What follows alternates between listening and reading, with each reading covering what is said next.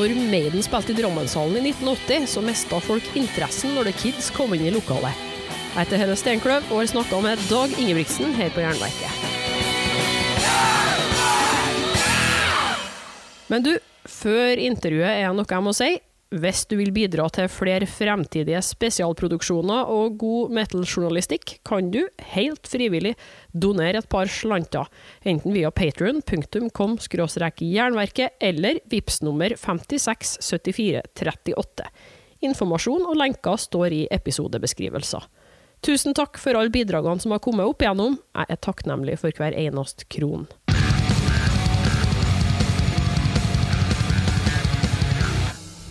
Det er bare peis på, ja. Sånn, ja. Rekord, ikke noe blinking. Da er vi på. Vi kunne sikkert ligget bare og spilt inn sånn nå, når det er bare oss inne på rommet her, men Ja, ja. Det er jo ganske vinst, nei, lydstilt oppe i åttende. ja, det er det. Men vi tar nå noen mikrofoner når vi har dem. Ja, ja, vi har Vant til å holde mikrofon. Ja. Jeg har jo, jeg har jo sunget en sang om det. Om å holde i mikrofon? Ja, det var jo Vi snakka om at jeg var veldig sånn At jeg var en sånn var tidlig på han da, med alt jeg gjorde. Men så snakker vi om at jeg var litt sen. Så jeg var jo da Jeg jo eldste debutant både på teatret og også i Melodi Grand Prix. Og da sang jeg jo uh, sammen med Staysman, Plumbo-Lars og Rune Rødberg i det verdens eldste og mest sexy boyband, Landeveien Selter. Og det verset som jeg sang, det var jo jeg missa dåp, missa gråt, missa konfirmasjon. Jeg har holdt ungene mindre enn mikrofon. Jeg jobba knallhardt for å få til noe, og her er vi. Ja, vi sitter vel, altså. Så jeg har faktisk sunget med mikrofon. Ja, men hva er det du ikke har sunget om, da, Dag? Altså, kommer du på noe i det hele tatt? Jeg har prøvd å lage sanger om det jeg ikke har laga sanger om før i voksen alder. Så jeg laga drikkevise. Kommer ut i november. Å, nytt, ja. Ja. Det er jo da um, om den drikken som heter Tequila. Og det er jo da på godt og vondt. Det er liksom alt det fine du møter når rusen bærer deg fremover. og alt sjokkene som skjer når rusen tar overhånd. Den tequilaen har vi vært bortpå noen ganger, ja. Ja, ja. Farlig, det. Du er jo ikke spesielt selvopptatt men. Jeg er veldig flink å være sånn observatør. Det må han jo nesten være når han skal skrive eh, så mye låter som du, det du har gjort opp igjennom.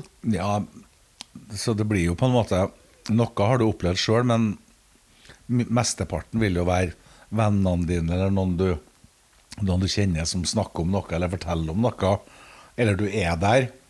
Og så kan jeg da dramatisere og romantisere som jeg vil rundt en faktisk opplevelse. Dikt fritt, fritt rundt. Ja, altså det er litt overdrivelser, da. Det er ikke bare sannhet, altså. Ja, det er viktig å overdrive litt, så blir jeg, blir jeg boring. Jeg har tenkt bare, Hva skal jeg åpne opp med når vi skal begynne å snakke? For det er jo så mye å ta av. Så jeg tenkte egentlig bare at, å stille spørsmålet Hvorfor er alt så jævlig bra? Det, så hva hva de sier da, at uh, smil til verden, og verden smiler tilbake. Eh, det er vel ka- kanskje riktig når det gjelder meg, da. Jeg har funnet ut at det, gjelder, det er veldig viktig å være snill over tid. For da er alle sammen snille med deg tilbake, og god og varm mot deg. Eh, og det setter jeg stor pris på. Så du har gått inn for å være en grei kar, og ikke den som eh, tramper deg i vei? eh, For det kan man jo lett finne på å gjøre når eh, begynner å bli litt uh, stor og kjent og, og sånn. Kan kanskje være litt enkelt, nesten, Og ikke man, man opplever jo det at uh, på en måte folk danner seg et bilde av folk før de blir kjent med folk. Så tror de at den personen er overlegen, og den personen er bleiete, og den personen er uh, ja, whatever. For meg så er det liksom rock'n'roll er jo på en måte musikk, ikke bare livsstil. Det er musikk òg. Mm. Men jeg blir jævlig glad når jeg ser det kokosbollen her, da. Det, Ja, det var fint. det gir jo meg assosiasjoner og minner da fra den gamle svømmehallen i Trondheim. Jaha, kok var det kokosboller? Du tenker på Sentralbadet nå? Sentralbadet, opp, helt oppå toppen oppå der. Så kunne du krone liksom verket med en kokosbolle. Det var spesielt. Jeg er jo født 13 år etter krigen. Det var ikke noe sånn ekstremrikdom. Og heller ikke ekstrem fattigdom, men jeg var skilsmissebarn. Og det var jo ikke så vanlig for en som er født i 1958 å være skilsmissebarn i 1960. Men vi klarte oss, og, og når vi fikk karra oss ned til Sentralbadet, svøm, Svømmerten som vi kalte det i Trondheim, så måtte vi først inn med de lusne kronene du hadde, og så måtte du kjøpe sånn Du måtte få nøkkel. Enten fikk du blå nøkkel eller rød nøkkel, for det var pulja. Og så fikk du et sånt bitte lite såpestykke. Og dem du fikk det der, de stanka av brennevin av. Eh, Men de var blide og snille. Og så kommer du ned. I guttegarderoben så var det sånn at og da, Der var sånn vinduer under vann. Og der kunne du se på liksom folk som svømte. Og det var litt spennende å se damenes svømme brystsvømming. Liksom. Det, det var flotte greier. Men det var, gjorde inntrykk. Og så kommer du inn. Og man begynner å skifte om, og det er travelt, for det er 45 minutter til en pulje. Og så må du inn i dusjen, for du måtte jo vaske deg med det såpestykket. Og da var det sånn Du måtte slå på, og så kom det bare kaldvann i to sekunder. Ja. Og slå, og bare kaldvann. Og jeg var liten og tynn, så det var jævlig kaldt. Og ikke var jeg vant til mye folk heller, men det var mye folk. Og, og så kommer du opp, opp der, og livredd, da. For jeg kunne ikke svømme, jeg var liten. Og der står han Lo med tåa. Svømmelærer Lo. Jeg er død nå, så jeg har lov å si det. Og han prøvde å drepe alle barna i Trondheim. Prøvde å drukne oss. Hvor du må da ligge, ligge med fotene oppå kanten og med hodet bakover. Du livredd. Og så endelig da klarte jeg å snike meg unna. Og så kommer jeg ned til den dårlige dusjopplevelsen. Så gikk jeg litt Jeg litt for meg, så jeg gikk litt og kikka rundt i rommene. Og der var det badstue. Men den var jo altfor varm. Så gikk jeg og kikka i neste rom, der var også ei badstue. Men det jeg ikke visste, og der satt jo alle øh, Og det, det var jo litt annerledes for dem, men i Trondheim satt i den badstua som ikke var så jævlig varm. så øh, det, det var ekstremt mye inntrykk, og så kommer du igjen og får tørka og kommer opp. Og da kunne du eh, Du fikk jo Når du panta flasker, så fikk du jo 25 øre per flaske når jeg var liten. Og hadde du fire flasker, så hadde du to kroner. Det var nok å gå på kino. Det kosta 25 øre med trikken. Så hvis du var flink til å panne flasker, så fikk du råd til krembolle. Og da gikk vi opp der, da. Og tenkte gjennom. Det var, det var én gang, og det var første gangen jeg laga en, en tekst på engelsk. Det var da jeg kom ut etter alle inntrykkene der, så kommer jeg ut på trappa utover svømmehallen, og så hever jeg blikket, og der står det sånn stor neonlysreklame. Nightstar. Det var der nattklubbene var, men jeg visste jo ikke hva det der var. Og på bussen hjem så laga jeg min eh, Det ble jo en punklåt etter hvert, for jeg var ikke så god å spille og synge, men låten het Night Star. Tøft. Fin- Finnes den spilt inn noen plass, eller er det noe som bare eksisterer i hodet? Jeg kan jo synge den for deg etterpå. Jeg ser det står en gitar her. Ja, du, det, det må vi se om vi får til for en liten filmopptak. Vi spilte den ganske lenge. Vi spilte den i hele det bandet som ble The Kids òg. Og så har vi tatt den frem litt på sånn 50-årsdager og 60-årsdager og litt sånt, og kosa med den ganske snedig liten skrue. Jeg hadde akkurat lært meg bare akkorder. Så liksom jeg kunne flytta bare hånda nedover, så ble det jævlig stilig. Og, og det er klart, musikk kan være veldig fengende av, av det liksom ungdomsgløden. eh, uvitende unge mennesker som, som bare lager noen ting før man vet at det er faktisk et system i musikk òg. Som i alt annet i livet. Det er liksom det, det er lurt å ta av seg buksa før man går på do. Sånn er musikk òg. Og i svømmehallen. Og i svømmehallen må du ha med buksa. Det var, det var en fin, eh, fin anekdote her med kokosbollen. Altså, det, det bringer meg jo egentlig til spørsmålet om når begynte du med musikk? For jeg vet jo at du bodde jo ikke i Trondheim helt fra starten av, men du spilte jo musikk Ja. allerede før du som guttunge kom til byen, da. Ja. eh, jeg er jo på en måte født i Trondheim, på Esedal stiftelse. Og bodde jo første årene i Trondheim. Men vi dro til Stavanger. Og i 1968 var da han begynte å skulle finne olje. Da skulle mora mi ut på eventyr, da, vet du. Siden det var noe spennende som foregikk der. Og da måtte jo gutten være med. Og, og da hadde jo på en måte mora mi som skilt, da. Hun hadde jo som kvinne Hun skulle jo realisere seg sjøl. Gå på kurs og ha det fint. Og da kjøpte hun seg gitar og skulle begynne på gitarkurs. Og det fant hun fort ut at nei, dette går ikke. Det var vanskelig. Og der sitter hun en, en understimulert, liten og tynn, eh, småsjenert gutt og finner den gitaren og på en måte finner, som unger i dag, finner gleden i å sitte med dataspill. da. Så den knakk jeg fort, og i 1969 starta jeg mitt første band i Stavanger, The Happy Stones. Jeg var fans da, av The Rolling Stones. Ja, ja, ja. Men eh, hva, hva gjorde dere, da? Var det mest bare spilling hjem, eller kom de dere ut og spilte på noen ungdomsklubber og sånt? Nei, jeg, jeg visste jo ikke noen ting om musikk eller band, så jeg hadde en kompis som slo på kasseroller. og da drev og demonterte sånne kleshengere. For den stanga i midten det var jo som en trommepinne, omtrent som vi har sett på, på platecoverne. Så hadde en kompis som slo på tromma på det vi hadde, og så spilte jeg gitar og sang. Og dikta musikk. Ja, Nydelig, da. Var det norske tekster når du var så liten, eller? Ja, det var det. Alt om fra tegneseriefigurer til uh, de verste. da Jeg laga jo Jeg laga en sang om Idi Amin ganske tidlig. Uh, Mora mi var jo friker og kunstner. Liksom. Så jeg satt jo og leste i, ikke bare i Bibelen, men jeg satt og leste i Maos Lille Røde og, og fant ut mye, mye rart. Og, og dikta fritt ut av alt som kom forbi meg. Ja, det er jo en fin måte å samle opp inspirasjon på i ung alder. Ja. Ja. Men så forflytta du deg etter hvert da, til Trøndelagen igjen, og der ble det kanskje litt mer struktur eh, på ting? Eller i hvert fall andre folk som Ja. hadde ekte trommesett og sånn, kanskje? Det ble etter hvert Det var sånn at det gikk jo litt over styr med mora mi, da. Og da måtte jeg, fikk, fikk jeg valget mellom barnehjem eller at faren min stilte opp. Så jeg flytta til han, og da kom jeg til en eh, høyskolemannen Bjørn Ingebrigtsen. Og der, og han hadde gått på kurs. Tydeligvis, det fant jeg ut lenge etterpå. For der skulle håret klippes, og klærne skulle bort, og skulle skifte image. og Da tenkte jeg skulle begynne på en litt skihopping, men det var skummelt, så det ble langrenn for meg. da. De første årene, og faren min var jækla flink og fulgte opp det der.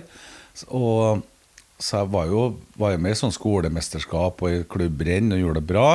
Og så hadde faren min hatt òg fuglehunder. Eh, på vinteren så drev vi med hundekjøring. Med dem, og jeg har faktisk to NM-gull i hundekjøring. Har du det? Hva du ikke har holdt på med, altså? Eh, Ikke bare pga. meg. Jeg var jo liten og lett, så klart det, det gikk Og glad i å gå på ski. Eh, Men det er klart vi har hatt gode hunder òg. Men hva, ble du på en måte tvunget da, til å ta en pause i musiseringa, eller ble det Du, du vet at som, som da orkesterleder i The Happy Stalls Det var ikke så farlig. Men det, veldig fort så kom jeg i gang et, å, å, å lage et musikkmiljø i Trondheim òg. Og jeg vet ikke hvordan det sies, vi, vi kaller oss for enten Jeg vet ikke om det sies Detzed eller Deeds-head, dødningehodene.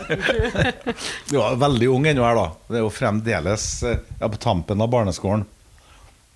Og det engelsk det var sto ikke så sterkt på, på greiene. Dødningehodene var tøft navn, da. Jo, det var ekstremt tøffe ting generelt. Det var jo ikke altså, sånn tidlig, tidlig på 70-tallet så var det begrensa hvor mye skummel rock som nådde frem egentlig til en eh, til en tolvåring. Ja, jeg husker når Playtime kom i Trondheim, så gikk jeg og kikka på Kurt Isaksen rett i øynene. Så jeg skal ha den hardeste LP-en du har. så jeg var jo opptatt det skulle være tungt og mørkt og skummelt. Og det syns jeg var morsomt. Det var min humor da, og min glede. Husker du på hva den hjelpen var for noe? Ja, Den jeg fikk da, det var, det var den 'Schools Out' med Alice Cooper. Og den var da forma som en sånn amerikansk skolebenk. Og når du åpna liksom skolebenken, så, kunne, så, så lå LP-en oppi, men den var ikke innpakka i innerpose. Den var innpakka i sånn engangs damepapirtruse. og, og det er klart, for en Kiss i 7. klassen så var det strålende! Han har aldri skjedd, vet du det. Det er bare så i svømmehallen, bare. Så vidt jeg var altså Den eh, Alice Cooper School så den fulgte meg, og jeg har nå fulgt Alice Cooper. Og jeg fikk, jeg fikk jo i voksen alder, når han skulle spille i om det var Trondheim eller Steinkjer, så, så fikk jeg jo tilbud om å, om å gå og spille golf med han, for jeg driver og spiller golf, jeg òg. Og Alice Cooper han er jo da Han har jo vært alkoholiker. Hver gang han ligger i senga om morgenen og slår opp øynene, så tenker han kun på å komme seg til kjøleskapet og få seg ennå, altså etter 20-30 år. Og Da tar kona hans og pikken borti skuldra og peker på golfsettet som hun har satt frem foran senga. Men for å si det rett ut, jeg torde ikke. Og du gjorde det? Nei, det er så jeg, jeg, jeg, jeg har jeg er ikke noe flink med det. Det, det blir for sterkt. Men det er litt skummelt å møte idolene sine òg, For det som du sa innledningsvis, så har man jo danna seg et bilde av hvem Ah. folk er. Hvis de plutselig er helt annerledes, kan jo miste litt av magien, altså. Det kan si, Alice Cooper han er jo, da, han er jo prestesønn. Amerikansk sådan. Øh, men han har jo hatt litt problemer. Men det har gått bra. Og han spiller golf, så, så det er jo bra. Men jeg er ikke Tore. Og, og, og dessuten fikk jeg vite etterpå da, at det ble ikke noe av golfen. For at det ramla til tann på han.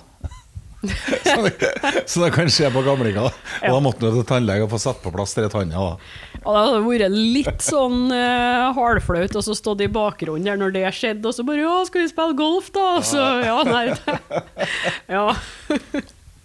Så, men, men, men, klart det, riffet på Schoolsalt det, det var jo for det første oppnåelig å spille, og så var det oppnåelig å synge sånn. Så det var jo en ting på en måte å henge seg opp akkurat som Stones. Det, det gikk an å få til å spille det gitarspillet. Det gikk an å synge det. For en gutt fra Trondheim. Så det, det var inspirerende, det, altså. Og ellers har jeg hatt mange forbilder. Mark Bolan, T-rex, da. Tyrannosaurus rex. Det liksom, de, de var vel på EMI-logoen, eh, label. Og inni Jeg hadde alle singlene som jeg fikk av en diskjockey.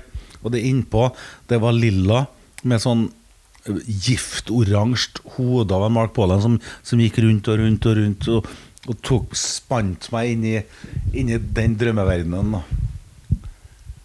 Ja det, er herlig. Ja, ja. Men eh, når begynte det å bli litt mer eh, seriøst? da? Sånn at du, hvem av de første folkene du tromma sammen eh, for å faktisk få til å lage litt musikk og spille for folk? Altså, lag musikk, det har jeg alltid drevet med. Ja.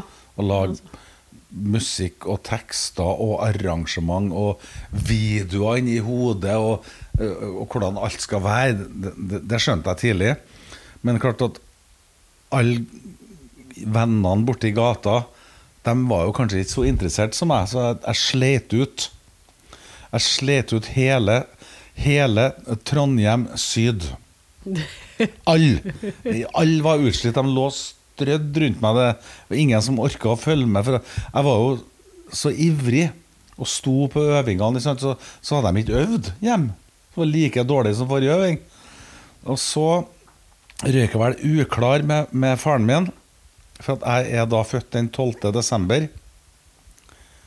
Uh, og alle andre ungene er jo født tidlig på året. Og jeg hadde jo moped, jeg òg. Men faren min var så streng at jeg fikk ikke lov å kjøre. For at fikk ikke lov å kjøre, for det var 16 år. Jeg var 15 da. Uh, og det var trist. Og så fikk jeg høre nyss om at mora mi var kommet til Trondheim. Hun hadde vært en tur i Hammerfest og vært en tur i Gøteborg og bodd. Og var kommet. Og da oppsøkte jeg mora mi i bydel Trondheim nord. Og, og det viste seg at, eh, at hun da var blitt sammen med en amerikansk eh, blindepsykolog. Det var en blindeskole i Trondheim.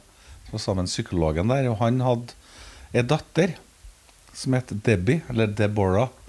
Og hun spilte piano og sang i et band. Og I det bandet så spilte Morten, senere Diesel Dahl, tromma. Og jeg ble med dem på øving, da. De kunne jo ingenting. Mye mindre enn meg.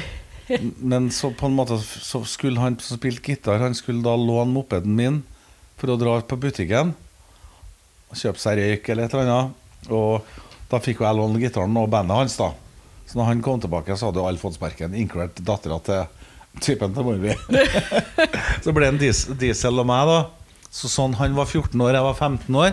Og han syntes at sangene jeg laga, var fine. Det hadde ingen sagt til meg før. Så da begynte vi å på en måte å ta vare på det. Og Diesel og vi, de ble jo skifta ut, eller ja Folk slutter sjøl seg. Noen, noen skal i militæret, noen skal på noen vanskelig skole, noen får seg kjæreste. Til slutt så sto nå vi igjen, og da og Det var vanskelig å spille med bare gitar og trommer. Det er jo noen White Stripes gjør det jo i dag. Og det gjorde vi den gangen. Eh, T-rex det var jo elgitar og bongotromme. Liksom. Det gikk går, det òg. Men vi savna en bass. Og da hadde vi vært på spilling på Risvollan fritidsklubb i Trondheim. Jeg så faktisk et bilde på internett, men det var neste spillinga. Og Da har vi vært der og spilt uten bassist. Og så ble det noe, bestandig noe styr med oss. Et, enten noen fine damer eller noen slåssing eller, eller noe Ja, bad noe ting som skjedde. Det var det alltid. Eh, Så vi rakk ikke bussen hjem. Vi er fremdeles så unge at vi ikke har noe lappen. Og da måtte vi ta bussen fra en bydel som het Stubban, nedafor Risvollan her. Der gikk det en buss senere, fikk vi høre. Og, og der sto det en fyr på, på busslomma. Han, sånn, han, han sto da med, med solskinn i blikk, roser i kinn, melkebart og så en litt for stor gitar mellom føttene. Og da var det en diesel tror jeg, som gikk bort og pikka han på ryggen. da. Er det bass, det der? Ja. Vil du begynne i bandet vårt? Ja. Og det var han Terje Storli, som spiller bass i Stage Shows i dag. da Så han, han ble, med, ble med Diesel og meg til London i 1976 for å skulle prøve å slå gjennom. Uten telefon, uten penger. Vi bare dro. Og inspirert av en kasinostil, da. Ja, ja, vi, vi prøvde jo å møte han For, jeg, jeg, for vi hadde jo lest Casino Steel. Han er jo et av mine store forbilder. Og hadde jo, han, han hadde et innlegg i Adresseavisa hver uke som het for Stein Groven eh, 'Rapport fra London', hvor han skrev om livet. Vi, men vi hadde jo ikke noen telefon. Vi, vet, når vi landa borte i England, så skulle vi gå en tur på kiosken og kjøpe oss en flaske brus. Så står det jo Smirnoff på, oi, på, på, på en søndag på hylla. Liksom. Oi, hvor mye koster den? da? 20 kroner? Ja, vi tar den, vi. Vi, vi, vi var nå som vanlige ungdommer og bare kosa oss. De oppdaga punken, men eh, på det litt enklere, mindre internasjonalt gjennomtreffende nivå, kanskje. Ja, så det skal jeg fortelle at vi var på Vi kunne velge. Og jeg var da Genesis-fans. Vi valgte mellom en konsert mellom Vi kunne velge mellom Genesis eller The Clash. Og vi valgte å gå på Clash. Så vi fikk jo opplevd veldig tidlig i 1976 konsert med Clash, altså originalbesetninga. Hvordan var det, da? Ungdom i Ja. London 76. Jeg tror Jeg syns jo sjøl at det var bedre å spille gitar første dagen jeg spilte gitar, enn dem noensinne kom til å bli. For det var jo ganske dårlig. Men det var, det var en liten, trang klubb i en kjeller i London med bare skitne jævla Dårlig lyd. Altså, alt var Men det var noe Det var noe som fenga. Også, det var også et supportband før Clash som het for Jeg tror de het Chelsea. Og det var ganske tøft. da Det, var noe som fenga meg. Og hver gang jeg ser det ikoniske bildet hvor bassisten i Clash knuser bassen, så minner meg veldig om den, den kvelden i, i 1976. Jeg tror det var i desember i London sammen med en Terje Ståle og en Diesel Dahl. Vi for jo gikk rundt i Londons gater. Jeg kjøpte meg rosa fjærboa. Veldig provoserende. Jeg hadde ølbokser hengende i ørene. Og det var, Type. var jo liksom født sånn, med fingeren til værs. Og vi var litt av en gjeng, ja. Men vi hadde det fint. Vi dro tilbake. Uh, og spilte vi oppvarming for Slade. Den store engelske vennen Slade, som var forbilder i det som i dag heter Trondheim Spektrum. Det heter vel Nidarøhallen i Trondheim. Nei, men det er bare for fine. Det er Nidarøhallen ennå. Ja, jeg kaller det for det, for det ligger jo på Nidarø, og det er en hall. Ja, det er ikke noe konsertarena, nei. Og de hadde jo en eh, manager som da var veldig ivrig på å skulle signe oss. Og da var det jo blitt eh, Ja, det var det Jeg, jeg ble jo 18 år kanskje det året. Var det da med Subway Suck eller Burn? Nei, det eller? var Burn 2 heter vi den Burn gangen. 2, det. Ja, med Ja. en Storli, så ble det Burn 2. Og hadde kjøpt den legendariske gulldrakten og den eh, dametrusa, silketrusa med engelske flagget og rosa fjærboa og går på scenen. sant? Så Fikk jo førstesida i Adresseavisa hvor det står 'Hva er dette?' Er det en fugl, fisk eller en frosk? Det, se, se på musikksidene. Legendarisk vakkert, morsomt bilde. Og bra. og, og da spilte vi opp, oppvarming for Slade, ja. Og Chess Chandler het den manageren. Og han var vel Han hadde jo sjøl vært bassist i, på sikkert 50- og 60-tallet i The Birds eller Animals eller de bandene der. Og han ville absolutt ha med oss. Men da hadde vi egentlig skjønt at vi, vi var litt Storli var 16, Diesel var 17, og jeg fylte vel 18. Så det er klart, det var litt tidlig var det. Og da kom jo det at den Dieselen begynte jo i MC-klubb. Og Terje Storli han begynte på det som vi i byen kalte hest- og kulinja. Han arva en gård vet du, oppe på Oppdal, så han skulle bli agronom. Så han dro til Selbu. Så, og da starta jeg Subway Suck med andre musikere. Ja. Og ga ut min første LP-plate i Så det- 77. Kunne i prinsippet, hvis de torsa, eh, blitt signa allerede da. Hvem vet Ja. hvordan ting hadde skjedd ut da? På papiret vet du, så er vi et jævlig bra band. da. Men ja. vi har det for artig sammen. Vi, er, vi er vel best eh, Vi er gode sammen, vi vi er enda bedre hver for oss. Men det Subway-sukk, der har jeg litt artig greie fra en eh, kamerat av meg. Jeg skal ikke si hvem det er, for da blir han vel rana, tror jeg. Men han har ei svær platesamling. Jeg var til ham en gang, og så spurte jeg han eh, hva det sjeldneste han hadde, var, da. Da fortalte han at han hadde den bannlyste singelen som Subway Suck ga ut, med Æsj byr på. Jeg av kommersmusikken. Et businessman-produkt som bærer skitten frukt. Folkene som sitter med pisken, dem ruller seg i peng. En satans råtten gjeng, steng dem inn på kløfta. Det var budskapet til den norske platebransjen fra Trondheim. Og det det er jo herlig, men det er jo ingen som har fått hørt det, nesten. For alle platene ble jo destruert. Kan du fortelle litt om hva det var som skjedde Ja, her? det var altså han Per Alm, som vi senere signa med TNT. Han var så lei seg for at han ikke fikk være med i Medikids, for jeg signa noen andre. Uh, han var stein hakket tullete fra Oslo her og syntes det her var helt suverent. Og han har jo rett! Du må være frekk. Du må tenke stort. Og, og vi hadde jo en journalist i, i Adresseavisa i Trondheim, Ulf Dalheim, som gikk under navnet Jack the Ripper, som var manager, på en måte. Og vi laga en skikkelig hype av, eh, av det her, da. Og, uh, men klart, når han sjefen i Polygram, sjefen til en Per Alm, fikk høre det her, og fikk lese teksten, så sier han at uh, stopp, stopp! Og alt som var pressa, måtte makuleres.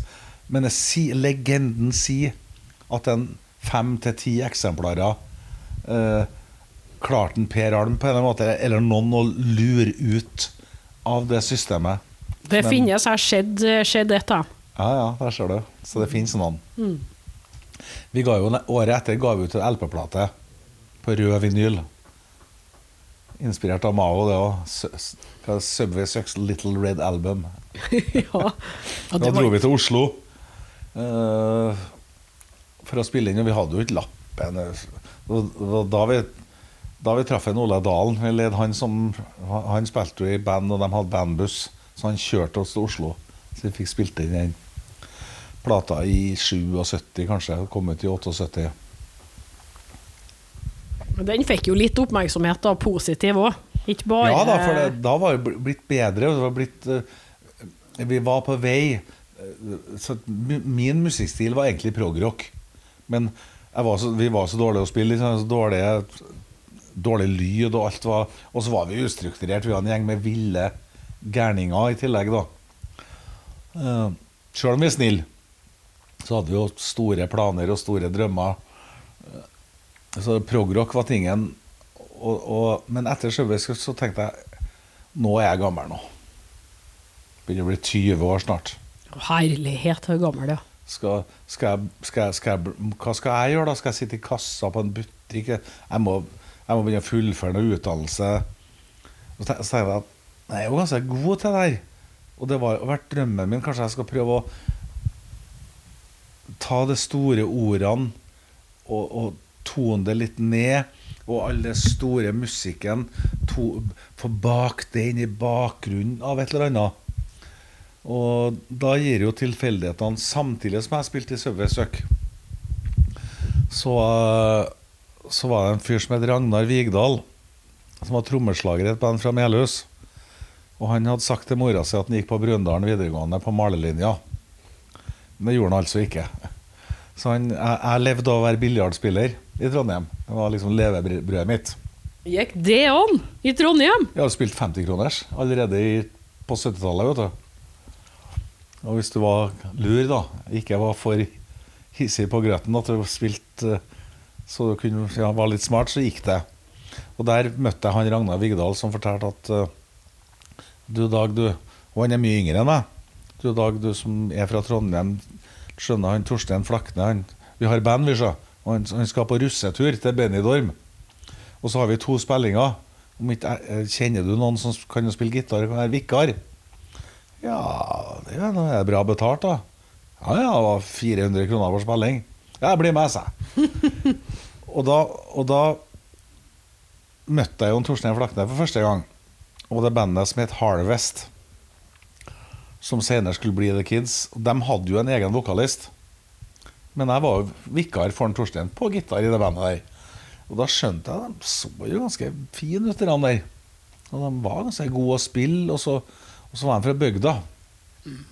Du må aldri samarbeide med noen fra en by. Det blir bare helvete. Så da fant jeg dem fra Melhus, som da var godt oppdratt. Kom fra gode hjem. Hadde fine instrumenter. Hadde lappen, hadde en struktur på ting. Så det er såpass forskjell på by og bygd, eh, altså? Det var det, den var, gangen. Ja. Det var stor forskjell. Ingen hadde lappen i byen. Bare skilsmisseunger og bare bråk og narkotika og fyll og faenskap og innbrudd. Så det var fint. Og, og da var det en Svein Lunde, bassisten i det bandet, som dessverre gikk bort i 96, som tenkte enn hvis jeg får en dag nå, og en Torstein, som er to sånne fine kunstnere, til å samarbeide. Da tror jeg bedre det kan bli bra, tenkte han. Og da begynte han å fære og date oss litt, han, og, og han hadde lappen og Volvo Amazon for å kjøre på oss og satte oss sammen. Og, og sånn starta eventyret med The Kids. Så da skulle vi være med i NM i rock. Ja. Og noe var jo at det skulle være egen musikk. Og da første dagen Torstein og jeg møttes, da brukte vi nøyaktig fire minutter på å skrive 'Forelska læreren'. Helt uten en plan. Alt vi hadde, var Vi hadde ikke begynt å drikke kaffe ennå. Vi hadde én cola på deling og et brukt A4-ark kanskje, og, og, og en blyant. Og Da satt vi og skrev ned den. Musikk og tekst. Og vi rulla oss rundt. Der var vel i november 1979. Vi rulla oss rundt på gulvet og skjønte at Åh, nå skal vi Vi kommer til å bli popstjerner, vi nå. Og de visste allerede Ja, det før de hadde spilt låta? Kjentes med én gang, det. det nå, nå skjer det noe i livet. Det føltes Men, sier jeg, dommerne i NM Rock de er jo så dumme. De skjønner ikke at dette er en bra sang. Og da satte vi oss ned og skrev vi sangen 'Norske jenter' samme dagen. Jaha. Som vi deltok i NM i rock med. da Og gjorde det bra. Så hadde vi et lite Vi hadde et lite sånn S oppi armen vi da, du, som hadde forelska læreren, og vipp frem litt ved en senere anledning. Ja, Så dere fikk ikke fremført den da? Det var norske Nei, det gjorde vi i finalen. liksom. finalen. Ja. På den uttakninga på en måte, så måtte vi spille noe som var litt mer action. For en fenomenal eh, plan. Ja, det må, og da laga vi også De ti bud. Hva var det, da? Altså, Jeg kan ikke si dem én etter én. En eller annen plass så finnes de, men det var liksom Én skriv Norges største hitlåt. Check. To finn på et dritkult bandnavn. Uh, tre vinn Trønders mesterskap i rock. Fire bleik håret. Fem få platekontrakt. Seks vinn Norsktoppen, osv. da. Og De skrev ned, og de fulgte vi til punkt og prikke. Fikk de kryssa ut alle de budene Vi deres? fikk kryssa ut alle. Og det er klart at uh, akkurat det med bleiking av hår ja, vi, Jeg sier jo til guttene at eh, Viser dem bilder av Stones og Queen og se de bruker sminke. Se!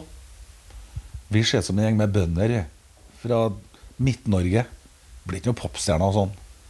Så dro vi til byen, og, og, og så gikk vi inn på på, en, på eh, enten Sunt eller HK på en sånn det som er Trondheim Torg i dag. Og det var et parfymeri. Og kommer inn der, så står det jo en åpenbaring i disken. Og da spurte jeg med en gang Ja, du, vi skal lage video i morgen, vi. Uh, har du lyst til å bli med i videoen vår? Og da møtte vi hun på første rad. Å, var det hun? Hun sto bare der, sto bare i disken, var sikkert bare 15 år, for alt jeg vet. da Vi kan fortelle mer om hun, men vi kjøpte noe sminke. Og så gikk vi i etasjen over og bleika håret. Og det var 18% vannstoff. Sier ikke meg så mye, men eh, jeg tror Nei, I dag er det 3 tror jeg de bruker. Ja, så det er ikke noe rart at eh, Det dere blod. ble kvitt. Det var blod. Det var ikke bra. Men hun bak disken hun het for Anne Isdal. Jeg syns hun var så fin, for hun hadde en sånn fortann som var litt skjev. Den lå litt oppå, sånn som hun gjør på sånn svenske damer. Altså, Kjempesøt. Det var- noe eget. Eh, Hun var jo meget misfornøyd med den tanna. Så hun dro jo til Los Angeles og ble fotomodell. Og gifta seg med en tannlege og fikk retta opp i tanna, da. Det gjorde hun kort, kort fortalt. Eh, hun ble jo med i videoen. For det sto også som bud ni eller ti, da. Lag video. For det var aldri før gjort i Norge. Nei. Og jeg var jo, eller alle vi var jo veldig musikkinteressert. Så vi skjønte jo at eh, så Rolling Stones hadde jo en video, Beatles og Elvis hadde jo på en måte videoer. Så da, da laga vi den. Og når jeg ringte da til Oslo og sier at nå skal vi lage video Nei, sa de. Jo. Nei, det, gjør ikke slikt norske Det var CBS Records, så vi gjør ikke sånt i Norge. Og plateselskapet, altså, Ja, de ja, vi- eh, Skjønner ikke meg på disse plateselskapene i Nei, Norge opp igjennom. Altså. Da betaler vi den sjøl, altså. Så vi gjorde det. Og, og da fikk vi jo vist den på NRK, 'Forelska læreren'. da. Og det var jo en nå avdøde Tore Hansen, som var vokalist i Unit 5. Han var programleder sammen med Dag Spantell. Eh, Begge to fikk sparken. Oi! Kan ikke vise en så dårlig video. En så dårlig For jeg var litt nøye på at du trengte ikke å se Du kan godt ha håret litt foran, det var ikke vanlig. Du kan godt se, være litt annerledes og ha litt mer dunkelt lys. For det hadde jeg med på utenlandske videoer. Så de fikk sparken, begge to. Årsaken til at jeg ikke skifta navn og kalte meg for Lorang London eller uh, Dick Dagger eller whatever, det var jo at de to største popstjernene i Norge når jeg vokste opp, det var jo Dag Spantell og Stein Ingebrigtsen. Så det het Dag Ingebrigtsen, og det var som å hete Det var som å hete eh, kong Harald. Det var så jævlig bra. Elvis Jaggy. Ja, ja, det var så bra. Og, og i voksen alder så har jeg jo truffet dem. Jeg har jo Dag Spantell. Jeg lurer på hvordan han har fått så fint etternavn. Nei, det var faren hans. Var operasanger. Og da skulle alle operasangere av norske opera ha kunstnernavn. Men de het jo liksom sånn Hansen eller Olsen eller Johnsen. Og, ja, og da hadde han som, som var på en måte manager i operaen, Men hva driver du med, da? Nei, jeg er spantemaker. Ja, du skal hete Spantell. Så enkelt var det. Så derfor heter han Spantell. Han synger faktisk ganske fint. Men du kommer òg langt med å hete Ingebrigtsen i Norge, da, tydeligvis. Det er ikke bare du som har gjort det. Nei, det er noen løpere og en skihopper, ja. Ja, ja. Og det var den sanger sønnen til Stein Ingebrigtsen, han Christian Ingebrigtsen. Ja da. Trivelig gutt, flink.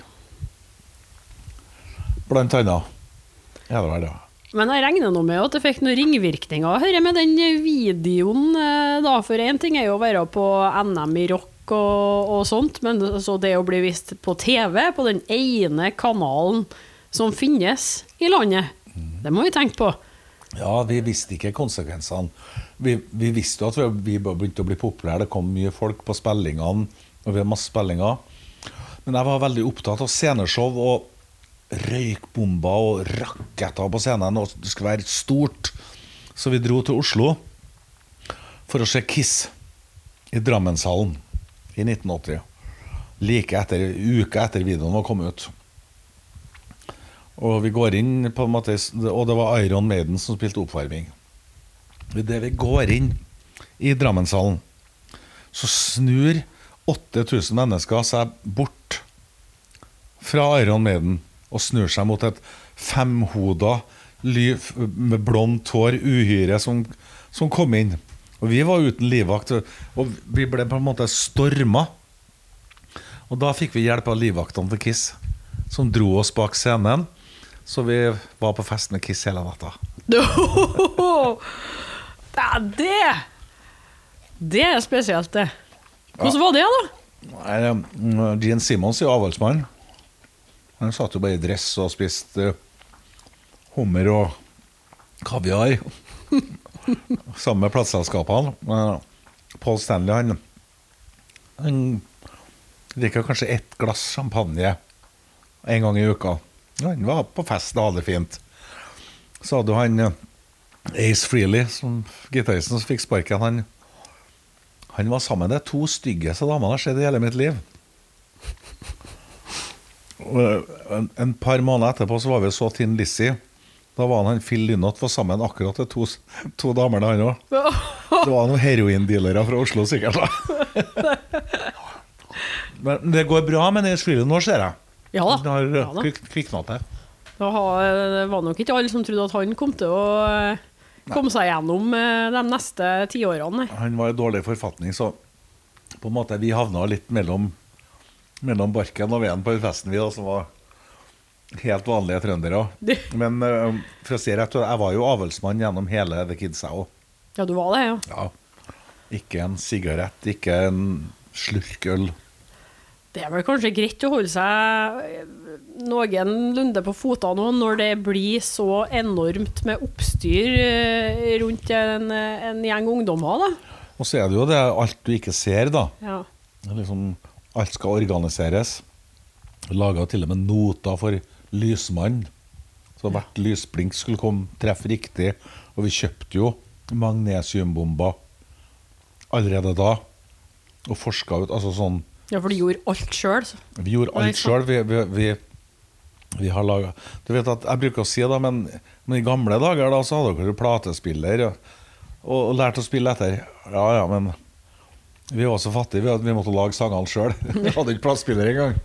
Så det er jo lenge siden, men vi kjøpte og, og, og laga et kreert show. Vi hadde jo magnesiumbomber, altså pyro, i alle showene vi gjorde, vi.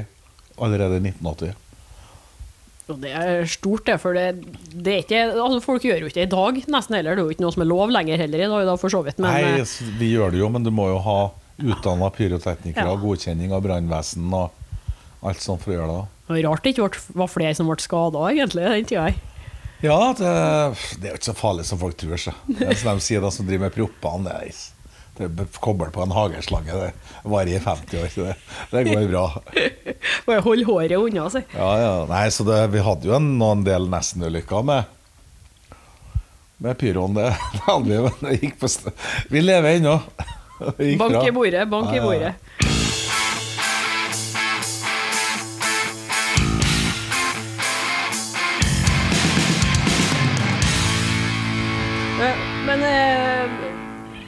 det er vel underdrivelse å si at det gikk bra med The Kids og forelska i læreren. Altså Du får den jo på hjernen i det øyeblikket du hører om en lærer eller ei forelskelse.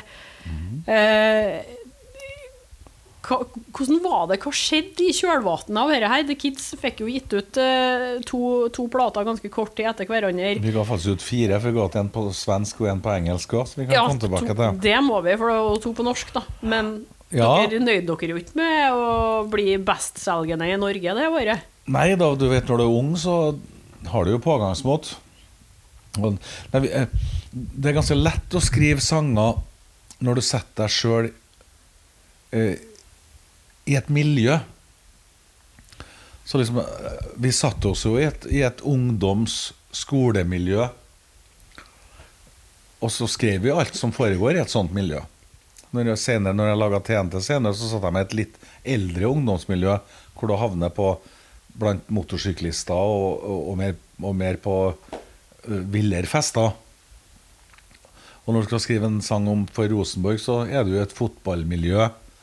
Og det er ikke så vanskelig å dikte når du dikter deg en setting, da du skaper en, en verden.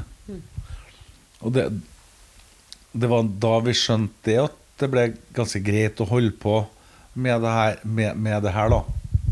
Og kunne, kunne leve oss helt inni. Og så hadde vi ikke bestemt så mye, men bestemt at jeg-personen skal være taperen. Ja. Du har jo en låt som heter Null eh, òg, altså, ja, som er har det blant annet hun sitter foran meg på første rad. Hun har Ja. lå en der bestandig glad. Det, det, altså, hun er forelska i læreren, Ja. og ikke i meg. Det er verdens tristeste sang. vet du. Ja, Jeg-personen er totalt sjanseløs. Har ingen mulighet på en kraft, kropp med kraftig kropp, øh, med bart og halvlangt hår. Damer er jo øh, to år eldre. Når, de, når, dam, når vi er 15 år, så er damene 17. Liksom det. Sånn er det bare. De fleste kjenner jo seg igjen i jeg-personen, og om de ikke er taperen, så føler de seg som taperen, stort sett. Gjør stort sett det. Og klart at Vi hadde jo ikke tenkt at det her skulle Konsekvensene. At det her skulle ta av sånn. Og, det, og hvordan det skjedde. så- det, den, eh, den er jo ganske frekk, den forelska læreren. Den har jo et gitarriff. Det hadde jo ikke noen norske sanger brukt å ha. Og den hadde ikke noen normal tromming. Det er jo trommeriff òg. Og så er det to gitarsoloer på den. Debutsangen til et band skulle ikke være noen gitarsolo. Det ble Feidal når den kom på radioen. Så vi- vi var jo litt annerledes. Men kanskje det var med og gjorde det. Og så var vi selvfølgelig, tenker på i ettertid, så var vi jo flinke. Flinke å spille. Kom oss opp om morgenen, kom oss på jobb. Og vi arrangerte jo alt sjøl. Så det her var før kulturhus, så vi leide. Vi gikk i banken og lånte penger, for vi måtte, vi måtte betale forskudd til Tono for å få lov å fremføre vår egen musikk. Og sånn det var. Så, og vi leide alle kinosaler i Norge. Og på den turneen i, i november og desember 1980 så hadde vi to konserter hver dag i 36 norske byer på 38 dager. Da, da kan ikke en dra på fest hver kveld, da. Det, det var ikke en øl i ti mils omkrets. Det, det, det, går ikke, det. Og, og vi, og vi, vi leide alt sjøl, organiserte alt sjøl. Fikk lokale platebutikker til å, til å selge billetter mot at vi kom og signerte. Og det er klart, jeg var sliten. Jeg visste ikke hva jeg het til slutt. Jeg visste ikke hvor jeg var helt Jeg tror vi var så frekke at vi forsikra sangstemmen min for 1 million kroner i Lloyds i England. For det, en sangstemme er jo på tynn is med så mye opptredener. Det gikk bra. Eh, samme året, 1980, så hadde jo da CBS Records internasjonalt bestemt at uh, er plata som selger mest nå, som alle pengene skal satses på, den heter Sanadu med Olivia Newton-John. Og Sanadu er solgt mest i hele verden. Utenom et land de alle har hørt om, som heter Norge. Men Norge var jo det landet i verden som solgte mest plater i forhold til innbyggere. Så det syntes de var rart, så de, de dro da til Bergen. Vi hadde konsert, vi hadde leid Engen kino i Bergen. Og Og da, når, når konserten var ferdig, da var de altså CBS fra New York, Paris, London fra, eh, Hele kom. Og når konserten var ferdig, så måtte Faktisk så var vi var så populære at brannvesenet måtte tilkalles for å spyle fansen unna. Og der snakker vi i Norge. Det er jo helt utrolig. Det er jo sånn Ja, både Marcus og Martinus og Sex Pistols på en gang, liksom. Så de ble jo mektig imponert. Og da, det var da vi begynte å skulle prøve litt på utenlandsk. Så forelska læreren de vant jo Europatoppen som 'She's in Love with the Teacher'. Uh, foran Jeg tror Paul McCartney var nummer to, og Status Quo var nummer tre. Uh, men vi ble jo oppløst like etter det, så vi fulgte aldri opp. Vi, vi laga vel et helt album, tror jeg. Vi gjorde det. Ja, på engelsk òg, for jeg vet jo det er svenske. Ja, ja, Den heter Son So Norway, et helt album. Det er faktisk en del nyinnspillinger òg. Norske jenter heter jo London Girl. ja, klart det. Oppfinnsom. Eh, når det gjaldt det svenske, ja Nabolandet vårt, det var det jo eh, Vi kan jo begynne med, med London først. der og da. Det, jeg husker jo at vi hadde vært på fest en to-tre dager borti London uten, uten å ha vært på rommet omtrent. For vi skulle jo på en måte lanseres litt. Og når jeg kom hjem tidlig en morgen så, så vi var på fest og hørte når vi var, ikke var på jobb. Jo, jo, ja, men da Det var jeg, det her var langt ute i karrieren. Eh, så kom jeg på hotellet og fikk telefon. Ja, det er fra Sveriges riksradio. Grattis, ni har vunnet, Svensktoppen. Hæ? Hva forteller? Men jeg er jo borte i London. Ja, vi vet det, men Hur Hvor har dere lært at sjunga svensker så bra, sier han. Nei, jeg sier noe eh, Trondheim ligger vel en åtte-ni mil unna stolen. Og svaret på ekte trøndersk. Men eh, sånn det starta for oss i Sverige Det var eh, på lageret hos CBS Records i Stockholm. Så var det en ung lagergutt som eh, ble sendt i kjelleren for å rydde i alle platene og sortere og ordne. Da står han og rydder, og, og der drar han opp norske jenter med The Kids. Wow! For et tøft band! Og så tar han ut plata, og så setter han på. Wow! Hvilken bra musikk! Men jeg fatter ikke hva de synger. Så han bare sprang over gata for egen regning. Gikk på bokhandel, kjøpte seg eh, norsk-svensk ordbok. Og så oversatte han alle tekstene. Og jeg tror faktisk han sang inn på en kassett samtidig. Liksom med 'Hun sitter fremfor meg i første rad, hun har' Med sånn mørk stemme. Som dubba over musikken, så gikk han opp til sjefen sin direktøren i CBS i Stockholm og si at du, hvis jeg får reise til Norge nå, og får de, guttene her viser dem bildet til å synge inn det her på svensk, så blir det nummer én sin. Aha, ja, nå får du reise, da. Og vi sa nå ja. Så han kom jo til Trondheim ei helg. Vi sang inn alt på svensk. Og samme helga så viste det seg på søndagen at det var NM i rock. Finale i Trondheim, i Nidarhallen. Var det den finalen dere skulle spille, eller var det året Det var, før? Nei, det var her var 1980, The Kids. Ja, ja. Ja, ikke det året før. Da var det vel Jula Amfi. Mm. Uh, og han unge svensken, han laggutten, blir nå med, han da. Han var sikkert på min alder. Wow, for et kult arrangement! Hvorfor har vi ikke sånn i Sverige? sin? Nei. Og han drar tilbake til Sverige, leverer tapen med The Kids. Forelska læreren blir nummer én. Og så snakker selv åtte ganger så mye plater i Sverige som i Norge. Grise nummer én. Tre måneder etterpå så arrangerer jo han SM i rock. Svensk mesterskap. Der møtte han et, et ungt, ganske bra band. I hvert fall laga en fin sang. Den der.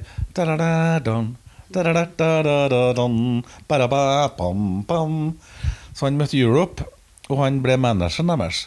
Den unge svensken på lageret het eh, Thomas Ertmann. Thomas Ertmann. Og han lever i dag. Så han oversatt. Og, og det er klart, vi havna jo på store turneer. Alle folkeparkene. Det var jo Norge var jo et u-land i forhold. Her kom jo et stort system hvor, hvor ABBA hadde vært. Og, øh, og vi var nummer én. Vi var, jeg tror nummer to var Gylne Tider. Nummer tre var Kim Larsen. Sjøl om jeg er dansk. Vi hadde jo Thomas, Thomas Ledin som supportband. Eh, Og hvem skal tro sånt? Det høres jo ikke sant ut. Nei, det er ikke sant. Det, det var vondt. Eh, Han er jo forbilde. Senere i livet så har vi også hatt Rick Wakeman som supportband.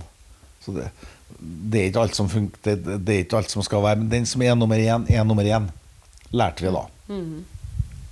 Så det fikk vi oppleve. Og når vi kom tilbake til Norge og skulle spille f.eks. i Drammenshallen med han Gunnar Eide, som var Norges største promotor, var manageren vår da. Han eh, da Nei, jeg kan ikke spille i Drammenshallen, sier jeg. Der har nå jeg vært og sett Queen. Der, der, der har jo Kiss og Iron Maiden spilt. Det går ikke. Jo, jo. Ja, ja. Og når vi kom dit, så hadde de prestert å selge 35 000 billetter. Så vi- 35 000 Så, så vi hadde Drammenshallen som backstage. Vi spilte utafor. Så, så stort var The Kids. Og det er klart Når ting er så stort, og du er så ung Vi spilte i, i Tønsberg, sikkert dagen før eller dagen etter. Uh, der, der bor det 12 000 mennesker. og Det var solgt 16 000 billetter. Og jeg hadde ikke noen glede av å ha politieskorte og at ordføreren i kommer, eller i byen Tønsberg da, kommer og skal levere blomster på scene. Vi var ungdommer. Det var, var liksom ikke eh, klar for det å tenke på det i ettertid. Jeg hadde jo aldri sett jevngamle. For det, var, det ble eh, Drømmen ble en jobb. Da står du i studio, lager, lager tre LP-er på én gang. Ny norsk, svensk og engelsk. Sammen gamle kaller. Altså, så Bjørn Nesje og Rune Nordahl De var sikkert 26 år. Håpløse, gamle drittfyrer. Så ja, det, det, det var slitsomt. Selvfølgelig. Det var jo drømmen. Men det, det var hardt arbeid. Så vi trengte en liten break.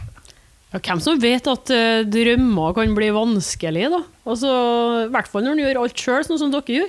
Kanskje det hadde vært annerledes hvis det hadde vært noen som uh, kjøpte inn magnesiumbombene eh, til dere og booka.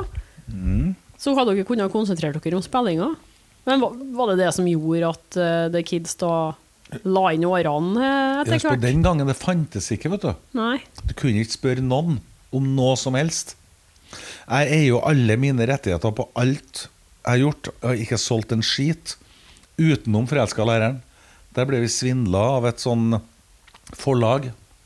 Jeg spurte Men hva betyr det her, da? Nei, det er sånn som står i alle kontrakter. Hva er det for noen ting, da? Det er det sånn som står. Så var det travelt, vi måtte skrive under. Det vil si at en tredjedel av forelska læreren går til et et stort internasjonalt forlag. Og det er på livstid.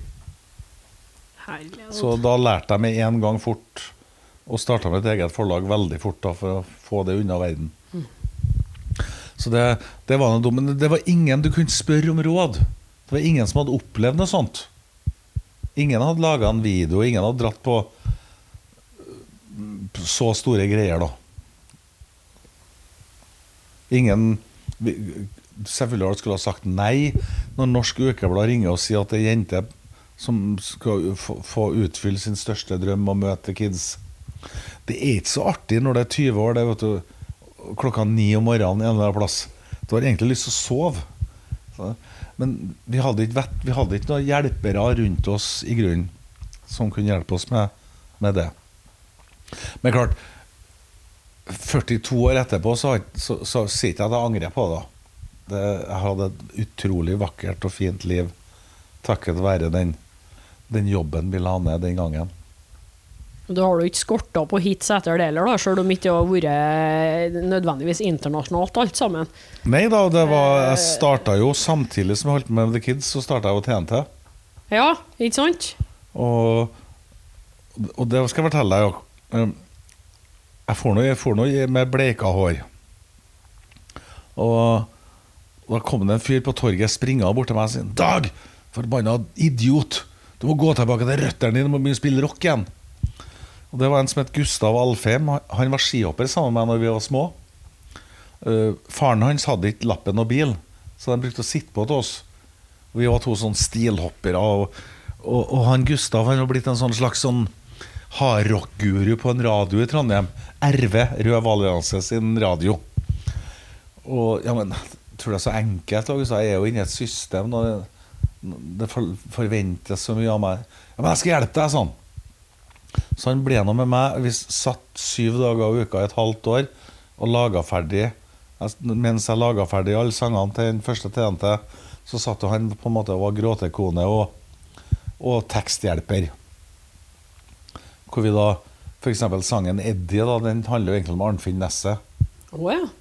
Det, jeg var jo inspirert av. Sangen kan ikke hete Arnfinn. Det blir ikke noe hitlåt. Så vi lånte jo navnet fra Iron Maiden sin gallionsfigur Eddie som Arnfinn Nesse. Og dikta oss helt bort, men det, det ble da sånn det blir, da. Med sangen, Jeg dikta meg helt i, i vilden sky. Eh, da starta vi jo TNT, og, og da fikk jeg jo tilbake en Morten Dieseldal som jeg spilte sammen med når jeg var ung, for da hadde han bestemt seg for å tone ned litt MC og satse litt mer tromming igjen. Fikk tak i en Steinar Eikum fra Oslo på bass, og vi var trio en stund. Eh, Etter hvert så fikk jeg kanskje lyst til å ikke bare holde på å spille gitar òg, og være som jeg var i The Kids, bare være vokalist.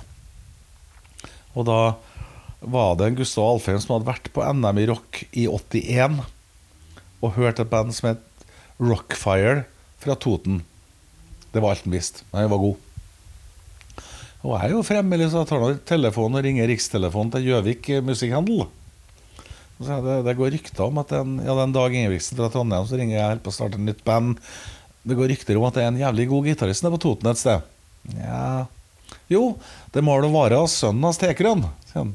Så, ja, Tekrøn ja, ja, han- Hans Tekrøn, han, jobber på fabrikken.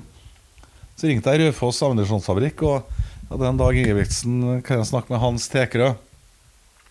Og presenterer meg, og hans Ja, men den, eh, Rolf Ågrim har jo sommerjobb her nå. Du kan få tale med han sjøl. Og da sier jeg det, er Dag Ingebrigtsen fra Trondheim som ringer her på og skal starte, starte et band som heter TNT. Det går rykter om at du er god å spille gitar, om du har lyst til å komme, komme til Trondheim og prøvespille. Jeg kjem, sa han. 17 år gammel.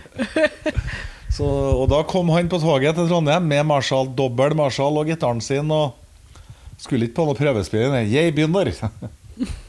Så da var vi i gang, da. Og da hadde ikke hørt hørt jenta heller, han bare syntes navnet var kult, meg, eller? Ja, ja, han så hadde, ja. Det var jo en drøm, det òg.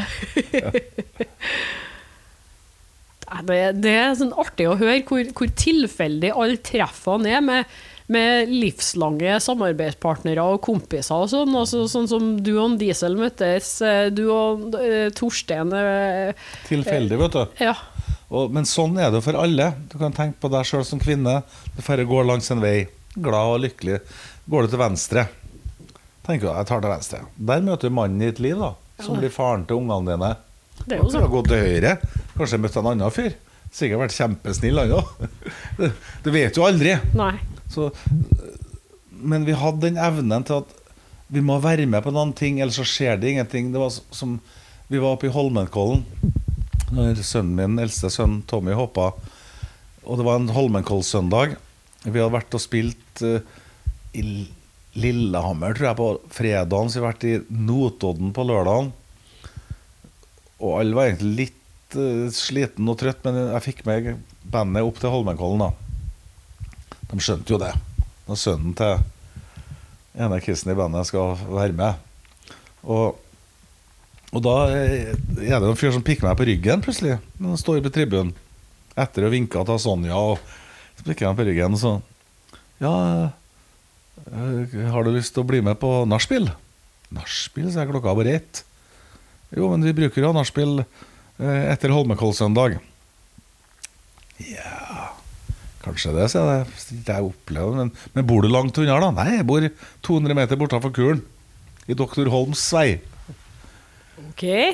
Ja, jeg får da bli med dit. Så, så. Og der eh, var, kom jo en sånn lafta tømmervilla fra sikkert eh, 1850 med gullmaling oppunder taket. Og de hadde fast akevitt og bløtkake. Så det noe må du bli med på. Da, på den måten møter du også fine mennesker. Selvfølgelig er det skummelt å bli med på ting. Eh, kanskje litt for spennende. Men jeg hadde intervjuene litt først, da.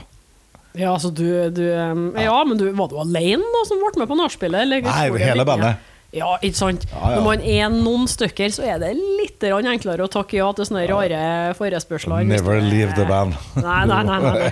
Trygt og godt. Så hele bandet som havna på nachspiel en søndag i Oslo. Snedig, ass. Så nei, Livet har vært fullt, det er fullt av tilfeldigheter og sånn. Så laga vel jeg da Vi brukte både med The Kids og TNT å spille når vi spilte rundt jul, og spilte sånn spontanversjoner av julesanger. Knallhardt. Og det elska folk. Og tenkte jeg jeg kan prøve å strukturere det her litt nå.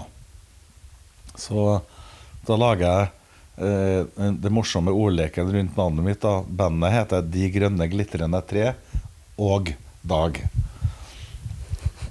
Og, og da begynte jeg å lage litt julesanger, og da lager jeg på en måte jula skjedd litt fra en ungdoms side. Sjøl om jeg ikke var så ung. Jeg var sikkert Jeg var jo sikkert uh, 8-29 år, men det er jo det er ungt, det òg. Ja. Så da laga jeg sanger om juleøl og de viktige tingene med jula.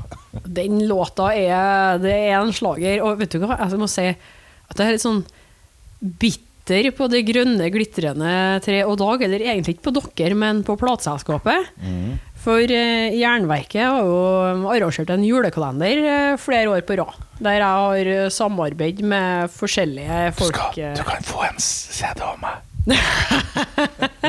Ja, for poenget her var at jeg skulle lage en sånn liten promovideo til det. Ja. Og så eh, tok jeg kontakt for å høre om eh, det gikk an å få kj- kjøpe lov til å bruke en liten del av den juleøllåta. Jeg forventa ikke at jeg skulle få noen rettigheter, men kanskje jeg kan få lov til å bruke noen sekunder av den. da. ja, det fikk du ikke. Nei. Nei. Det, jeg, Det- det var ikke interessert i. Det bare ble en vanskelig sak, for det var jo han Per Alm som skifta fra Polygram, eller Polydor, til Grappa. Og han fikk meg til å signe Grappa med en Helge Vestby. Helge Vestby er en bra, bra kar, det, altså. Og det gjorde vi nå, og vi merka fort at det var stor forskjell på dem to. Per var en levemann som ble med. Vi, vi for jo på radiopromoturné. Fire norske byer hver dag med full fest hver natt og promoterte her.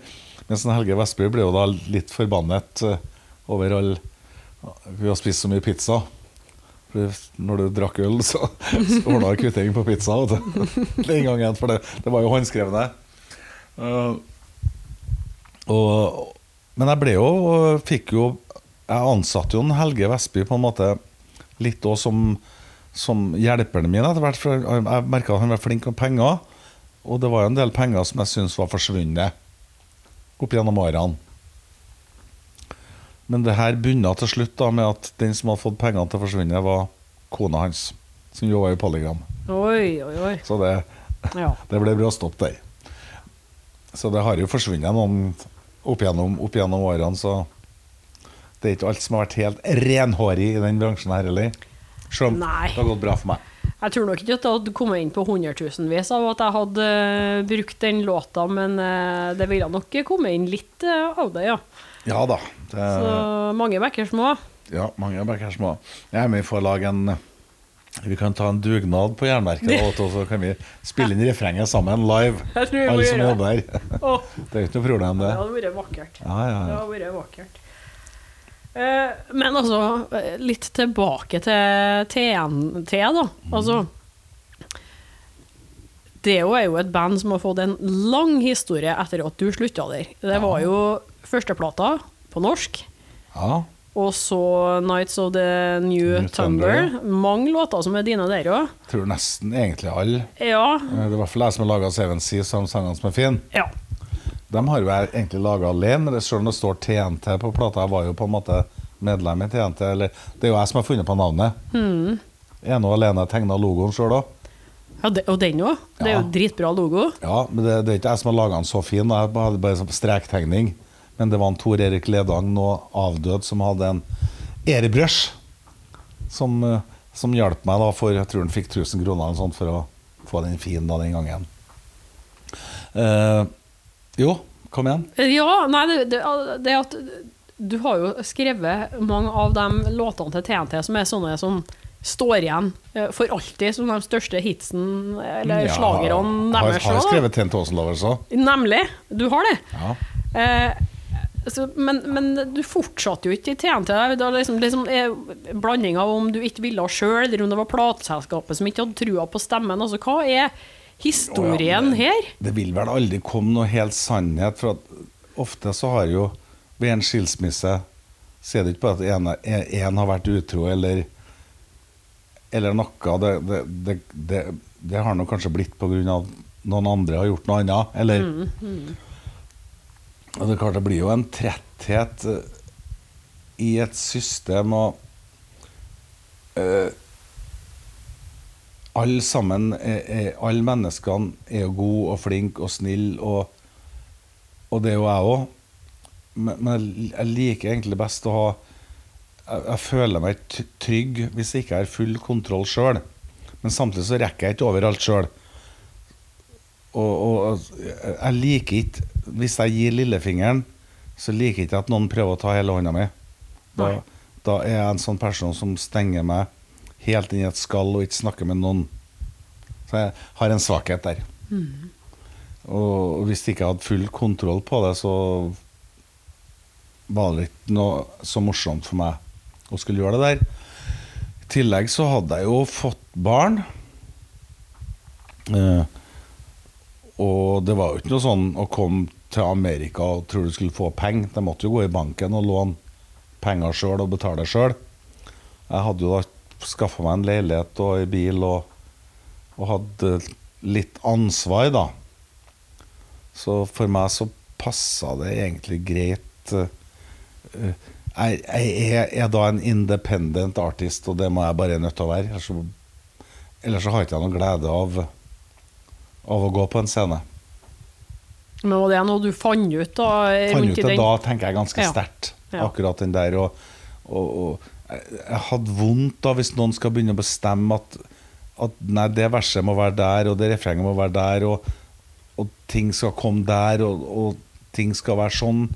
Da, da på en måte mister man gleden, og, og går over på en måte i å bli en Ikke være den personen man er. Så jeg hadde vel ikke noe spesielt glede, og selvfølgelig var jeg jo òg eh, overarbeid.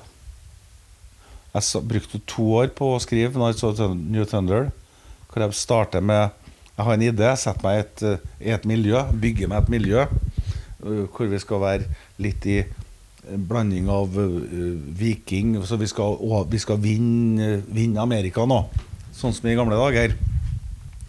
Hvor jeg satt på biblioteket og leste norrøn mytologi på engelsk. Vi skulle gjøre det på engelsk. Vi hadde fått engelsk platekontrakt. Og det brukte jeg litt tid på. Og, når du driver og skriver, så er du nå i din egen verden, din egen boble. Eh, Så begynte vi å øve. Og på en måte, jeg mista Jeg likte vel ikke det jeg sjøl hadde gjort heller. På en måte jeg følte meg ikke fri. Og da blir jeg som en Ja, mister litt glød og glede og og gnist. Selvfølgelig jækla trist. Eh, Jeg vet jo at det bandnavnet TNT er jo verdens fineste bandnavn. For det betyr det samme på alle verdens språk. Eh, Det kan sies og skrives på alle verdens dialekter. Og det handler om eh, Det handler om livet mitt, og det handler om eksplosiv musikk. Eksplosiv idrett. idrett. Så det er klart at det er et veldig bra navn. Og det, men jeg er ikke, ikke nå lei meg, ikke nå bitter. jeg- tusen takk. Uh, uh, han Tony Mills spurte meg en gang Men Dag, du er bestandig så glad, du. Det er så koselig å møte deg. Hvorfor er du så glad bestandig? Det er fordi jeg ikke er med i TNT noe mer, sa jeg. og da ble han glad, han når jeg sa det. Jeg kan forstå det, ja, uten at vi skal si mer enn det. Men vi har hatt det fint, og syns du har fått en fin avrunding med Bli innlemma i Hall of Fame. og Ja, det var nå en farse, det òg, frem til det ble det. Men klart, folk folk er Jeg sier ikke at folk er dumme, men folk leser seg ikke bestandig godt nok opp på ting. Så, så når jeg lager en sa- Rosenborg-sang, så leser jeg meg alltid opp. Er alt som har foregått siden klubben ble starta i 1917, eller når det var. Selv om ikke jeg bruker noe av det, så ligger kunnskapen bak. den, den ligger der. Jeg kan leke med den. Og kjæle med den, og, og kose med den. Så det er klart, en som er statsansatt, den har ikke tid til å få ikke lov å være på jobb mer enn noen få timer hver dag. Så Men at, at noen rockere er noen klovner, det er jo lov. Men at en statsansatt er en klovn, det er ikke lov. Så det var en dum farse, men det fikk jo et greit nok utfall. Det ordna seg, det gjorde det. Ja, og det betyr jo heller ingenting. Betyr, betyr, det er som å ha en sånn verdens dårligste blomsterbukett som døver etter én dag, og, og, og en sånn trofé på veggen, det, det betyr jo ikke så mye. Det er mange ting i livet som betyr mer. Synes det, altså, Nå vet ikke jeg med deg, men det artigste, eller det mest interessante med det, var jo kanskje engasjementet som oppsto som en følge av det. fordi Jeg skal jo ikke påstå at det er noe enormt engasjement rundt Rockheim Hall of Fame eh, hver gang. Det kommer i mediene, så står det hvem som er innlemma. Ja, ja.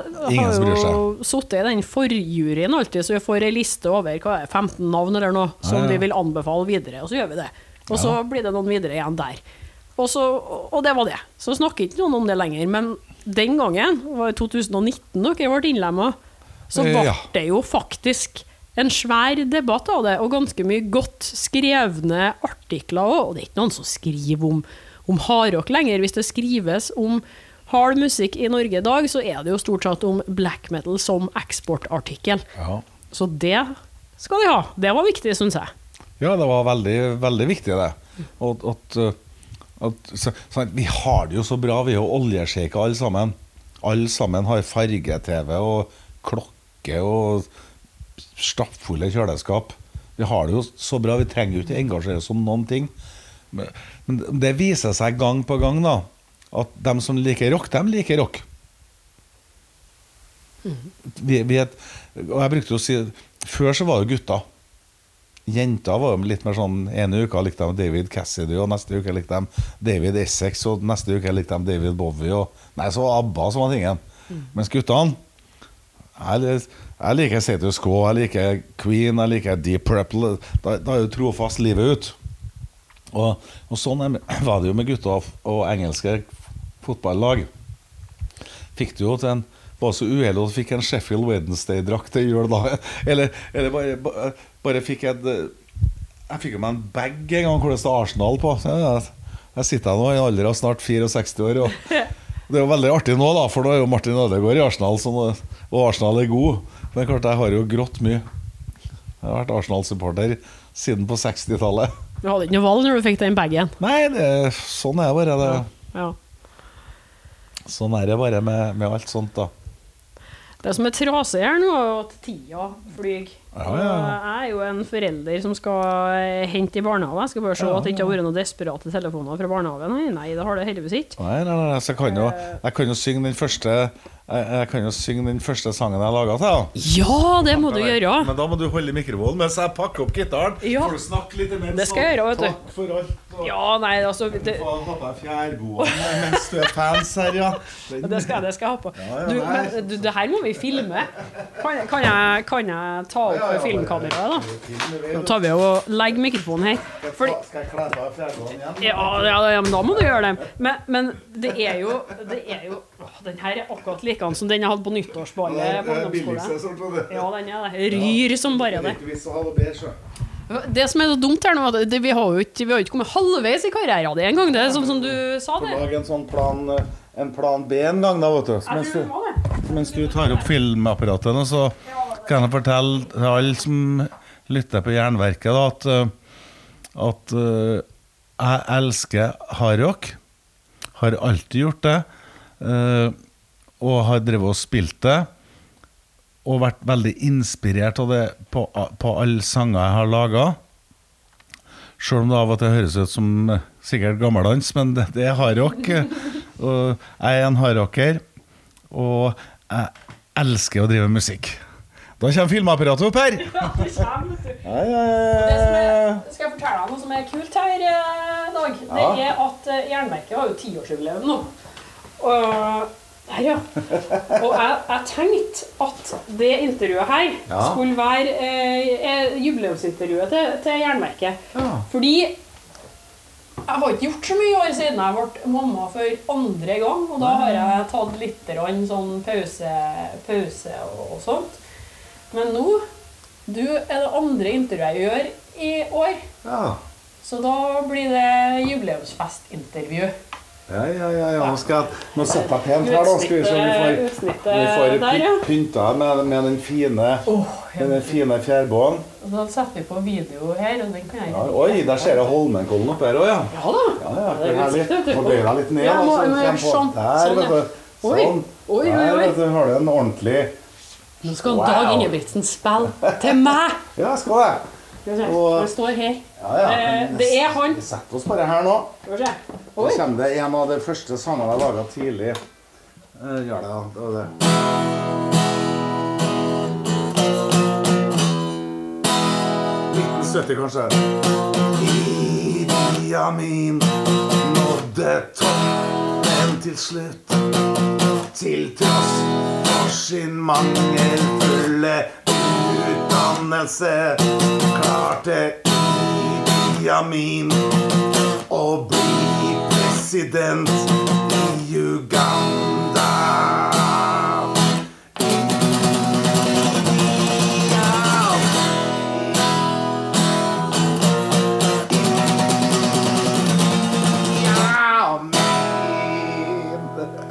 Så var det Night Star vi snakka om. Det er brutalt. Ja, ja, ja, men Ja, ja, ja. Night Star blir litt snillere, da, for da kom på engelsk, da. One night I was in the town with a girl who was my own. Dear man came out from a lane. He looked like he had a pain. I am a night star. Yeah, I am a night star. Na na na. I am a night star. I am a night, night star. Og det er sang, da. Og det er begge to er vel ca. 1970. Og da har du vært på Sentralbadet i Trondheim by. Spist kokosbolle Gjort alt som jeg har gjort mens vi har gjort intervjuet. og spilt Night Ja, har det. Det er helt fenomenalt, det. Takk for intervjuet. Vet du hva, Tusen takk for at du er på tiårsjubileumsintervjuet til Jernverket. jeg det? Det er, nå, kan du, nå kan du krysse av det òg. Ja, kan det, vet du. Eh, eldste og yngste debutant på tiårsjubileumsintervju. Ja, jeg så skulle et partytriks her, da. Det, Ja. Den, da. Det er du som skal ha dette. Det er du som skal ha dette. Vær så god. Ja, jeg skal spille med den i kveld. Dritbra. Da kan vi bare ta noen bilder, da. Så. Du har hørt et intervju med Dag Ingebrigtsen, innspilt for Jernverket sitt tiårsjubileum høsten 2022. Likte du det, kan du f.eks. høre intervjuene med Arch, TNT og Europe. Og siden vi hadde såpass mye å snakke om, har vi òg planlagt en del to en vakker dag. Neste episode kommer om ikke så altfor lenge. Et opptak av livepoden med Avertia under Jernverkets eh, tiårsfest på Ayai Club den 19. november. Ja, jeg har jo solgt norskkurs da, til folk også, så jeg, jeg har gjort mye rart for penger eh, opp igjennom. Men at man, eh, hvis du skal prøve å være musiker, så må du, være, må du stå på. Så, men jo da, jeg forstår lett at jeg ender opp i en sånn eh, liksom poser-kategori. eh.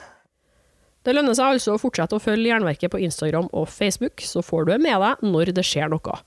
Og om ikke du gjør det allerede, abonner på Jernverket podkast via podkast-app, eller gå inn på jernverket.kom. Og vil du bidra med noen kroner til fortsettelser, kan du gi støtte via Patreon eller Vips. Info i episodebeskrivelser. Helle Steinkløv, det er meg. Jeg håper vi høres igjen.